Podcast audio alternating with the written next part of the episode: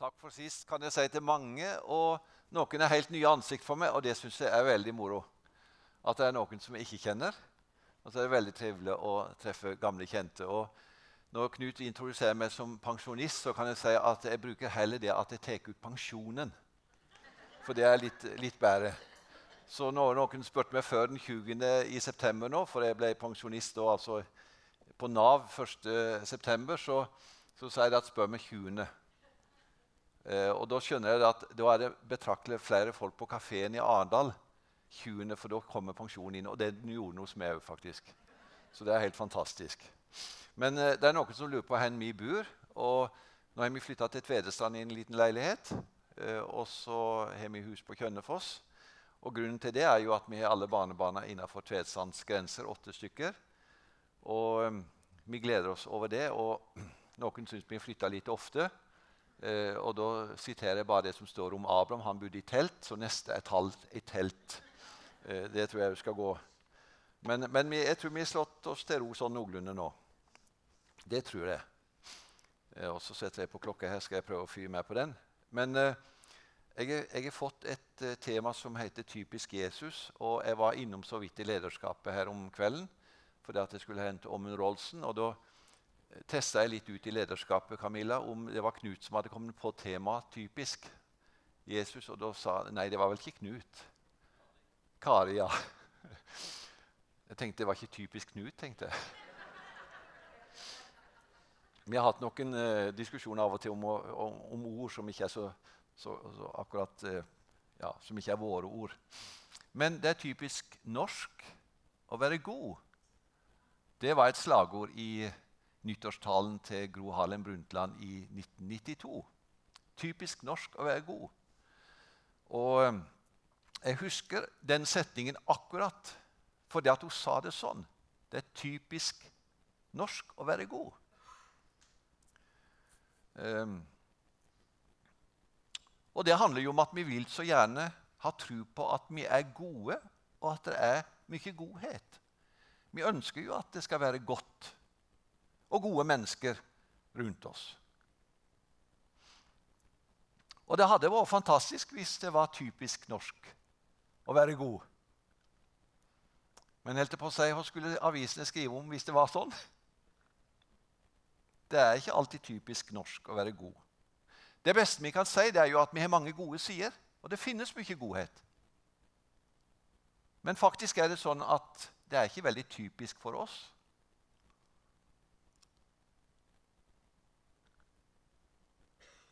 Det er sant at det er noe godt i alle mennesker. Problemet er at hvis du graver litt lenger ned, eller hvis du trykker på de galne knappene hos oss alle, så får vi fram noen sider som vi absolutt ikke trives med. Og Jeg vet at alle som er her, har en standard i livet, og jeg vet at du ikke lever opp til din egen standard. Det er mange ting du har tenkt at du skulle både ha gjort, og måter du skulle ha vært på som du ikke er. Det er ikke typisk deg å alltid være god. Men det er veldig typisk når det gjelder Jesus, å være god. Jesus han er god, og alt han gjør, er godt. Og Jesus hadde et rykte som spredte seg altså Tenk ikke Facebook, ikke Insta, ikke Snap. Men ryktet gikk så raskt om alt det han gjorde, var godt de orda han sa, måten han møtte mennesker på. Det var så typisk Jesus å være god og vise en enorm kjærlighet til mennesker. Markus evangeliet kapittel 7 og vers 37 så står det at folk var overveldet og forundret. Og Da skjønner du at det er, det er enormt overvelda og forundra overvelda, dvs. Si at det, er tatt over. Og forundra. De var ikke vant til det. det. Finnes det virkelig noen som er sånn? Folk var overveldet og forundret og sa alt han har gjort, er godt. Han får døve til å høre og stumme til å tale. Han gjør jo mirakel på mirakel, under på under. Han møter mennesker i alle livssituasjoner, og er det i et problem, så kommer han med sin godhet og med sin kraft. Og jeg kan klappe folk på skuldra. Jeg kan si et godt ord. Men børa som mennesker har, må de ofte leve med etter at jeg har snakka med dem. Men ikke sånn hos Jesus. Alt han sa, alt han gjorde, var godt. Jesus er god, og han er bare gode sier. Det finnes ingenting å si om Jesus som er negativt. Og det er sånn i livet at til mer jeg kjenner Jesus, til mer jeg blir kjent med han, og jeg driver fortsatt på med å bli kjent med Jesus. Jeg lever fortsatt i det at jeg vil lære mer av hans godhet og kjenne mer av hans nåde, mer av hans kjærlighet. Og til mer jeg ser den, til mer jeg tar den med. Og Det er fantastisk å lese sånne ord som i Efeserbrevet kapittel 2 og vers 7. Slik ville han i de kommende tider og så kommer disse ordene igjen. Viser hvor overstrømmende rik han er på nåde. Hvor overstrømmende rik. Du har fått ordet 'overvelda', 'forundra', 'overstrømmende'. Det er liksom grenseløst hvor rik han er på nåde, og hvor god Gud er mot oss i Jesus Kristus. Beviset for Guds godhet Beviset for sånn han handler med mennesker, det er slik Jesus driver på med. Og så er det noen som sier det er så vanskelig å finne Gud, det er så vanskelig å se Gud. Ja, men se på Jesus, da. Ta blikket og la det fange av det som Det nye testamentet vitner om Jesus. Ta din egen erfaring i møte med Jesus og si det er sånn Gud er sånn som han viser seg i Jesus Kristus. Det er sånn Gud er. Du trenger ikke ha noen filosofiske og noen betraktninger av Gud der du tenker som så er han et eller annet. Nei, han er som Jesus. Så god. Så finnes det egentlig ingen som kan sammenlignes med Jesus. Det er ingen som du kan si er sånn som Jesus. Vi ønsker å ligne han. Vi ønsker å bli prega av han, men det er ingen som Jesus. Vi er ikke små Jesuser. Jesus er Jesus med sin godhet. Han er bare god. Men så finnes det typer. Ikke etterligninger, men typer. Og Spesielt i Bibelen så kan du lese om sånne typer. Og Det er noe som heter typologi. Og Det er å gå litt lenger inn i ordet 'typisk'. Og typologi det er en tilnærming innen personlighetspsykologi hvor individet blir kategorisert i forskjellige grupper basert på atferd. Typologi. Hvordan handler mennesker? Og så ser det innenfor personlighetspsykologien ja, de gruppa, Den gruppa mennesker de agerer sånn. De handler sånn i møte med den situasjonen. Og det er ganske likt for den gruppa. En annen gruppe reagerer sånn, en tredje gruppe reagerer sånn. Og så står det en type kan forklares som en beskrivelse av en gruppe mennesker som har samme kjennetegn. Atferd og kjennetegn. Og så har jeg, Når jeg jobba med dette, her, så har jeg tenkt finnes det noen sånne typer.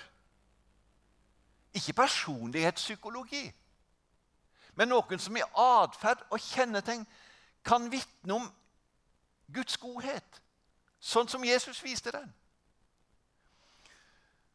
Og i denne tradisjonen som Guds menighet er, så vet jeg at det ble ofte prekt historier fra Det gamle testamentet. Fortellinger fra Det gamle testamentet.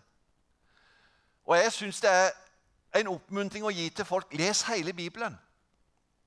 Og noen syns det er Men les hele Bibelen, og så vil du finne noen historier som faktisk sier Å, han, hun ligner på Jesus. Det er typologi, atferd, kjennetegn som ligner på sånn Jesus var. Og så finner du i samme personene at de av og til absolutt ikke var som Jesus. Men det finnes altså typer, sammenligninger. Og nå skal du få tre, og jeg skal bruke mest tid på to.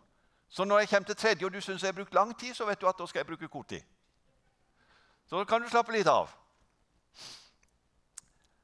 Og Det første er under et spørsmål som er typisk for Jesus. Er det noen her Og nå er vi her. Er det noen her som jeg kan være god imot? Det er et typisk Jesus-spørsmål. Er det noen her som jeg kan være god imot?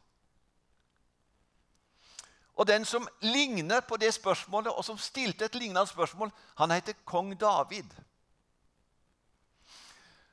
Og Hvis du er kommet til makt, og hvis du har fått posisjon, så er det jo sagt sånn at når du kommer i makt og posisjon, og det er om det er i en bedrift eller om det er et samfunnsliv, så kan det glemme litt alminnelige folks liv.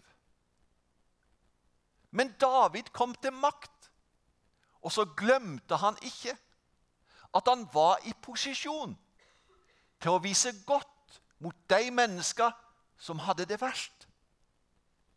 Det syns jeg er spennende å lese om. Og Derfor starter David, når han er kommet til makt og myndighet, så står det om David at han stiller ett spørsmål. Og det er ganske fantastisk. 2. Samuels bok, kapittel 9, og ifra vers 1. David spurte finnes det ennå noen igjen av Sauls hus. Og Saul, det skulle være et skjellsord for David. Men faktisk spør han finnes det noen av Sauls hus. Altså han som har gjort meg mest vondt. Den slekta som er plaga meg mest. Men finnes det noen igjen av Sauls hus? Og så tenker jeg ja, nå skal jeg dra våpensveien min og våpendrager, og så skal jeg ta den slekta. Nei, så står det Da vil jeg vise godhet mot ham for Jonathans skyld. Det var en tjener fra Sauls hus som het Siba. Han ble kalt til David, og kongen spurte, 'Er du Siba?' Til tjeneste, svarte han. Da spurte kongen, 'Er det ikke en eneste igjen av Sauls hus, så jeg kan vise ham Guds godhet?' Siba svarte kongen, 'En av Jonathans sønner lever ennå. Han har lammelse i føttene.' 'Hvor er han?' spurte David. Én igjen, og han er lam ingen nytte for kongen. Han hadde jo ingen betydning for maktposisjonen til David. Ingen som han kunne bruke for å imponere. Og så står det Siba svarte han er hjemme hos Makir, sønn av Amiel i Lodebar. Da sendte kong David bud og hentet han hjem hos Makir, sønn av Amiel, Amiel i Lodebar. Kongen gjør et valg utelukkende basert på sin egen hjertets godhet. Når Jesus spør i dag er det noen som jeg kan vise godhet, så gjør han et valg. Et fritt valg. Efeserbrevet kapittel 1, hvis du leser det kapittelet, så står det at Gud gjorde i kjærlighet et fritt valg. Gud kunne i sin maktposisjon ha sagt 'Jeg er i himmelen, og jeg har det så bra som jeg kan'. Mennesket er bare et problem. Vegårsheinger er et problem. Gjærstøler er et problem. Andalitter er et problem. Men det var ikke sånn Gud tenkte. I sitt eget råd så velger Gud. Er det noen jeg kan være god mot? Jeg vil vise min godhet mot folk. Det er derfor du er her. Det er derfor Jesus vil snakke med deg. Er det noen jeg kan vise godt imot? Og så spør han i sin godhet. Efesbrevet kapittel 1 vers 4. Han valgte oss ut i Kristus før verdens grunnvoll ble lagt. Tenk, før jeg var Før jeg kom til verden, altså lenge før, så hadde Gud tenkt i sin godhet og i sin nåde. Og så er det ganske fantastisk at Gud vil ha denne Mefibosjet inn i sin familie og inn i sitt hus. Han vil ha den helt inn. Og historien kan du lese om Mefibosjet. Den er så fantastisk. For Mefibosjet han fikk ikke bare en audiens hos kongen. Ja, nå skal du få lov til å komme, og så skal du få et fint måltid, og så skal jeg sette en medalje på deg, og så skal du gå ut igjen. Det gjør jo kong, Ole, kong Harald. Ikke vel? Hvis du får audiens hos han, så er det liksom inn og ut igjen. Men her er det en konge som sier, 'Mefibosjet, du skal komme inn i huset mitt.' 'Jeg har reservert en plass ved bordet.' Og alt det som kongen har, er ditt. Og så står det at Mefibosjet satt ved bordet hos kongen så lenge han levde, men han var lam i begge føttene. står det. Åssen er Guds godhet mot deg? Hadde du noe å bidra med? Syns du at du hadde noe mer enn noen andre som Gud kunne ha nytte av? Jeg kan iallfall si at mange føler at de får som fortjent i livet. Hvis du har opplevd noe som er vondt, så kan du gjøre det til et offer. Men veldig mange i livet opplever en selvfordømmelse. Grunnen til at jeg har det sånn helsemessig, grunnen til at jeg har det sånn mentalt, grunnen til at jeg har det sånn i samvittigheten min, det er egentlig min egen skyld. Og så går det med selvfordømmelse. Og så går det med anklager. Og jeg kan si jeg kjente i mitt eget liv hvordan jeg kan snakke meg sjøl inn i det sporet. Arvid, du har egentlig ikke noe fortjent noe godhet. Og så vet jeg at evangeliet er typisk Jesus. Er det noen jeg kan være gode mot på Vegårshei i dag? Som kjenner seg plaga med sjølfordømmelse. Med anklager om at du er ikke noe til nytte. Som syns at du har gjort virkelig noe som Ja, du er lam i begge føttene. Er ikke stort til nytte i det hele tatt. Det er typisk Jesus å spørre kan jeg være god. Det er sånn Jesus er.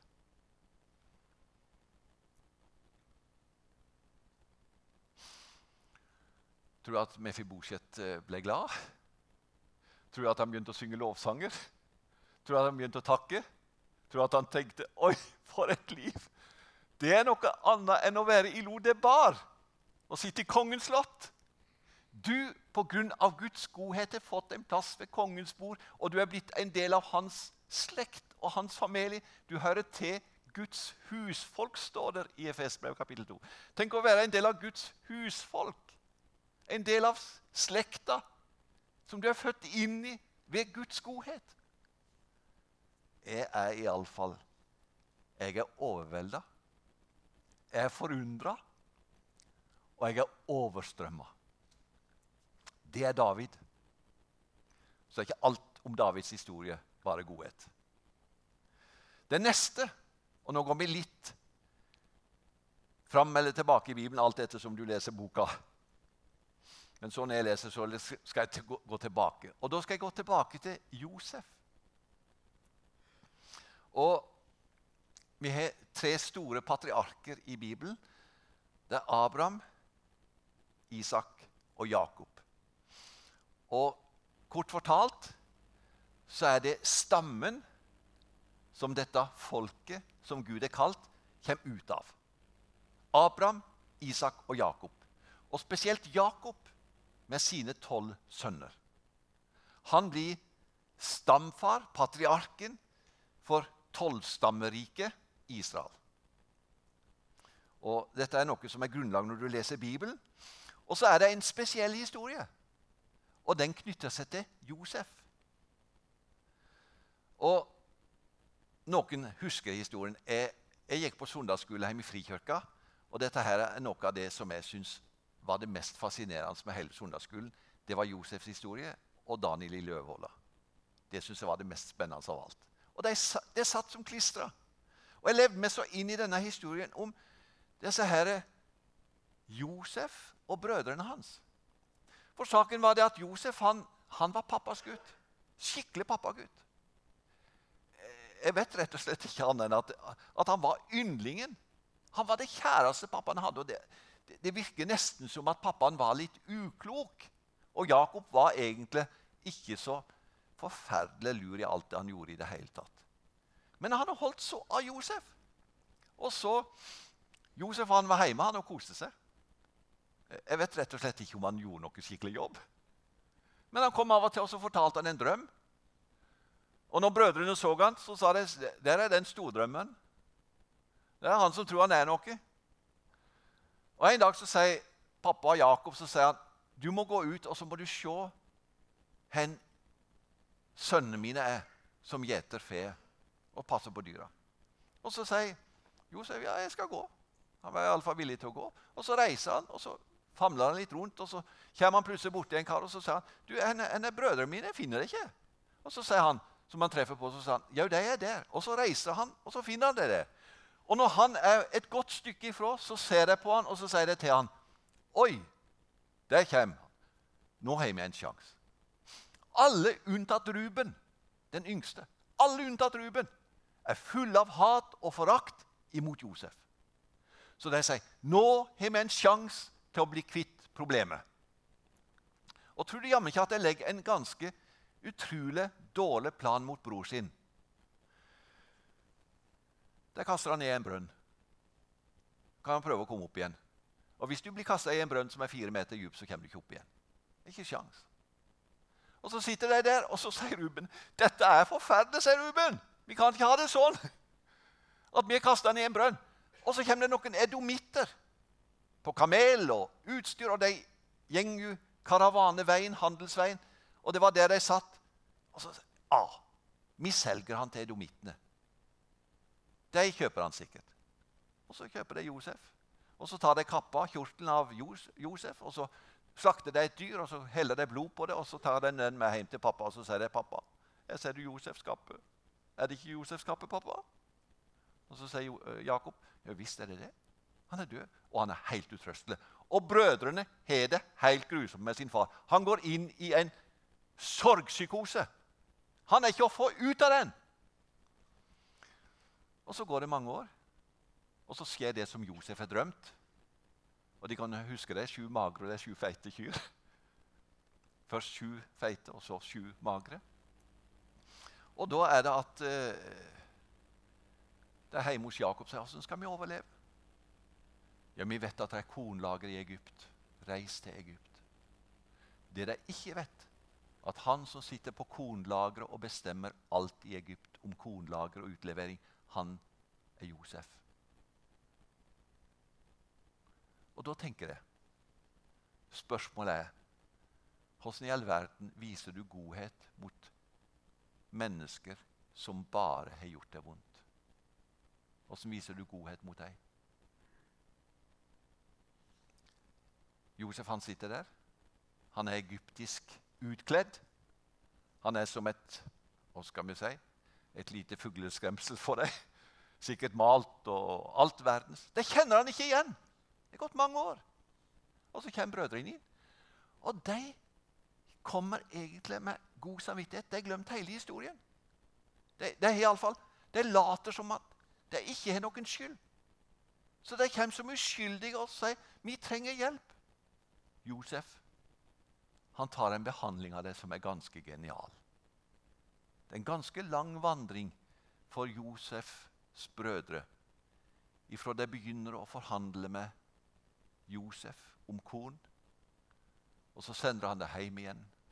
Og Så lar han Ruben få noe inn i sekken sin som han ikke vet om. Og så beskylder Josef han for å stjele. og så er, de er helt uskyldige. Vi er jo bare helt alminnelige folk. Og så tenker jeg det er ganske heftige greier. Det skjer noe på slutten av historien. Men de fleste mennesker i dag lever som om det er ok i livet, og tenker at 'jeg har egentlig ikke skyld i noe'. Det er ikke så uvanlig at folk syns at alt er ok. Men når er det ikke ok lenger? Det er ikke lenger ok i livet ditt når du opplever ei krise. Jeg har I løpet av den tida jeg har vært pastor og forkynner, så har jeg gått mange runder med folk som sier livet mitt var helt ok inntil kreften kom. Da begynte jeg å spørre etter Gud. Det var helt ok i livet mitt helt til mannen forlot meg. Det var helt ok til jeg mista jobben. Det var helt ok inntil hun sa det. Det var helt ok. Brødrene til Jakob levde i en illusjon. Vet du hva som hindrer Guds godhet ofte? Det at du lever på en illusjon om at det er ok. Alt er ok. Alt er ikke ok. Og det Josef gjør, han tar disse brødrene sine med inn på ei vandring der han ønsker at de skal få skjønne og forstå at de trenger tilgivelse. Det viktigste i livet ditt, det er den dagen du oppdager at du trenger nåde helt ufortjent. Og for å bruke et uttrykk de kan bruke på Vegårshøya, som er drevet på draget. At du skjønner det. Det er faktisk sånn livet mitt er. Det er gode grunner for at Josef skulle avvise. Det er gode grunner for Gud til å avvise oss. Det er gode grunner. I det øyeblikket du kom inn her, så kunne Knut ha starta gudstjenesten på vegne av Gud og sagt gå hjem igjen. Du trenger ikke nåde, og du får det ikke heller. Eller du trenger det, men du får det ikke. Men Knut starter med å si nåde være med dere og fred fra Gud vår Far. Jeg vet ikke hva du skjønte med det, men det er Guds godhet som møter deg, selv om du sitter her med det livet du har levd, og det du lever. Når ærligheten vår er på det råeste, så skjønner vi og aner Guds godhet på det djupeste. Det er når ærligheten vår er på det råeste, at Guds godhet erfares på det djupeste i livet. Da skjønner vi. Og det er i det øyeblikket at Josef drar av sløret sitt av egyptisk ukjennskap, drar han det av, og så har han jaga ut alle egyptere av rommet, og så sitter brødrene hans med bordet. Og Så drar han det av, og så sier han, 'Jeg er Josef.' Jeg er Josef. Og det er akkurat det Jesus gjør når han drar av, sånn at du får han åpenbart, og så ser du, 'Er det Jesus? Vil du ha med?' Sånn som jeg er, med min råskap, med mine synder, med mitt nederlag. Det er noe du har sett det er noe du har sagt, det er noe du har gjort, som du ikke vil si til et menneske. Garantert. Jeg vil ikke det. Men jeg har møtt et ansikt som smiler til meg og sier, 'Arvid, din råeste ærlighet gir meg mulighet til å være mest god imot deg.' Og jeg vet at Jesus gikk alle hindringer til Golgata. Og nå er det det siste punktet, og da skjønner du at det ikke er så langt og det er Moses. Jeg er imponert over Moses. Han velges av Gud til å være en leder for folket, som hyrde. Men det Moses først og fremst er, er ikke en hyrde for folket. Ikke en leder. Men det er én ting Moses er som oppgave, som er hans tjeneste framfor alt. Og det er å gå imellom folket og Gud. Og der er jeg imponert over Moses. Og Hvis du leser i andre Mosbok, kapittel 32 og vers 30, så kan du lese historien først om gullkalven som de dansa rundt. Som de hadde gjort i stand, og de hadde kastet alle sine gullsmykker og smelta om og laga en gullkalv.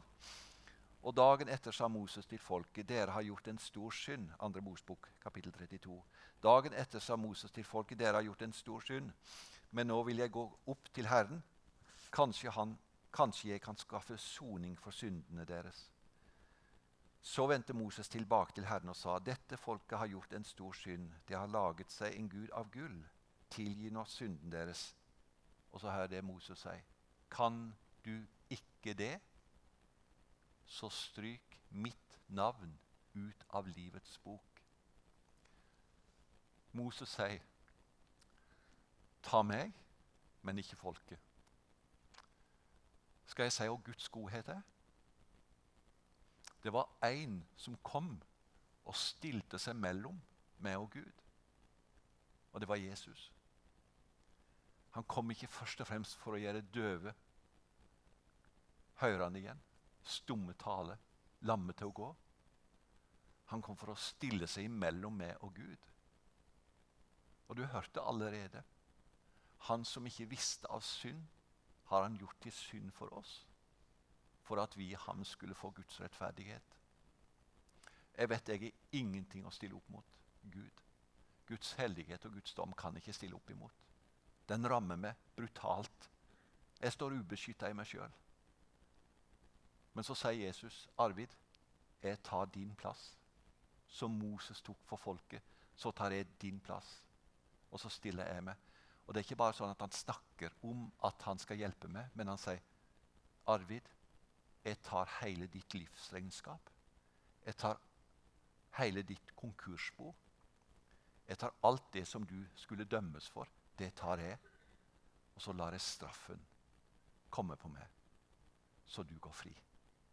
Det er typisk Jesus.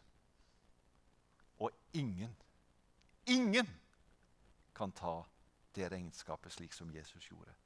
Derfor er det viktigste ordet i kristendom Det er et litt gammelt ord, så du kan bruke et annet ord. Mellommann er et ord, men det gamle ordet er stedfortrederen. Han går inn i min plass. Det var en som var villig å dø i mitt sted for at jeg skulle leve ved ham. Det er Guds godhet. La oss be.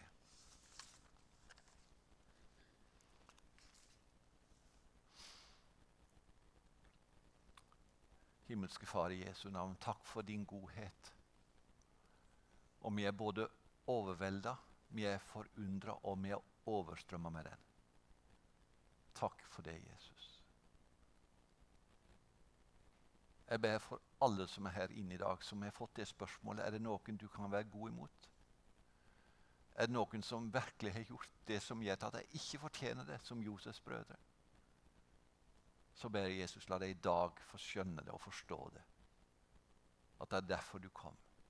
For å ta vår plass. Amen.